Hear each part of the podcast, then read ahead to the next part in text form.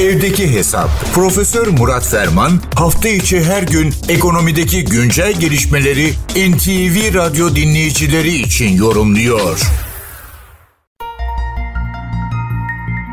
Kripto paralar uzunca bir süredir hayatımızın bir parçası. Bir dakika. Belki de yanlış bir cümle kurduk. Uzunca bir süredir diyoruz ama aslına baktığımızda çok da öyle uzun yıllardan vesaireden bahsetmiyoruz ama demem o ki kripto paralar artık modern hayatın bir parçası haline geldi. Özellikle yaşı görece genç olanlar arasında kripto paralara olan ilginin üst düzeyde olduğunu biliyoruz. Tabii bu çerçevede olayların henüz sıcağında yaşarken kripto paraların geçmişi kadar bugünü ve geleceği konusunda objektif değerlendirme yapmak zor.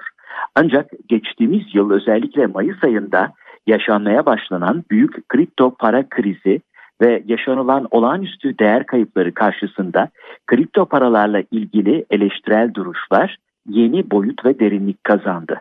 Hiç şüphesiz özellikle rezerv paranın sahibi Amerika Birleşik Devletleri'nin ekonomik hakimiyet ve mutlak e, dominansını yani baskın karakterini bir tehdit olarak da görülebilen bir oluşumdan bahsediyoruz. Bu çerçevede tabii tartışmalar, değerlendirmeler, olumlu veya olumsuz e, duruşlar, vaziyet edişler devam edecek. Ama ben bu çerçevede Amerika Birleşik Devletleri'nin birkaç gün evvel yayınlanan bir Beyaz Saray deklarasyonuna dikkat çekmek istiyorum. Rezerv paranın sahibi Amerika Birleşik Devletleri olduğuna, nasıl dünyada FED politikaları, FED kararlarına yakından bakıldığına oradan pay biçerek biz de şu noktanın altını çizmek durumundayız. Amerika Birleşik Devletleri kripto paralarla ilgili yeni bir vaziyet ediyor. Bazı açıklamalar yapıyorsa bütün dünya bunu dinler ve şu veya bu şekilde buna göre kerteriz alarak kendi politikalarına, kendi stratejilerine devam ederler. Evet bu açıklama aslında içeriğiyle ilgili birkaç söz söylemeden evvel şu noktayı belirteyim. Beyaz Saray'dan bir açıklama yapılıyor. Geçen seneden beri özellikle Başkan Biden'ın talimatıyla kripto paralar üzerine çalışmaların yapıldığı ve bu konuda tırnak içinde düzenlemelerin tekrar tırnağı kapatalım hayata geçirilmesi için bir takım hazırlıkların yapılması na geçildiği belirtiliyor. Çünkü bu kontrol dışı, düzenleme dışı kalan bir mekanizmadan bahsediyoruz. Ulusal Güvenlik Danışmanı, Bilim ve Teknoloji Politikaları Müdürü ve Beyaz Saray Ekonomik Danışma Konseyi'nin üçlü imzasıyla yayınlanmış bir deklarasyon. Bu da aslında kripto paralara nasıl vaziyet edildiğini gösteren önemli bir bence karine. Kripto para birimlerinin riskleri belirlenmiş ve Amerikan başkanının sahip olduğu yetkileri kullanarak bu riskleri azaltmak için harekete geçildiğine ayrıca vurgu yapılmış.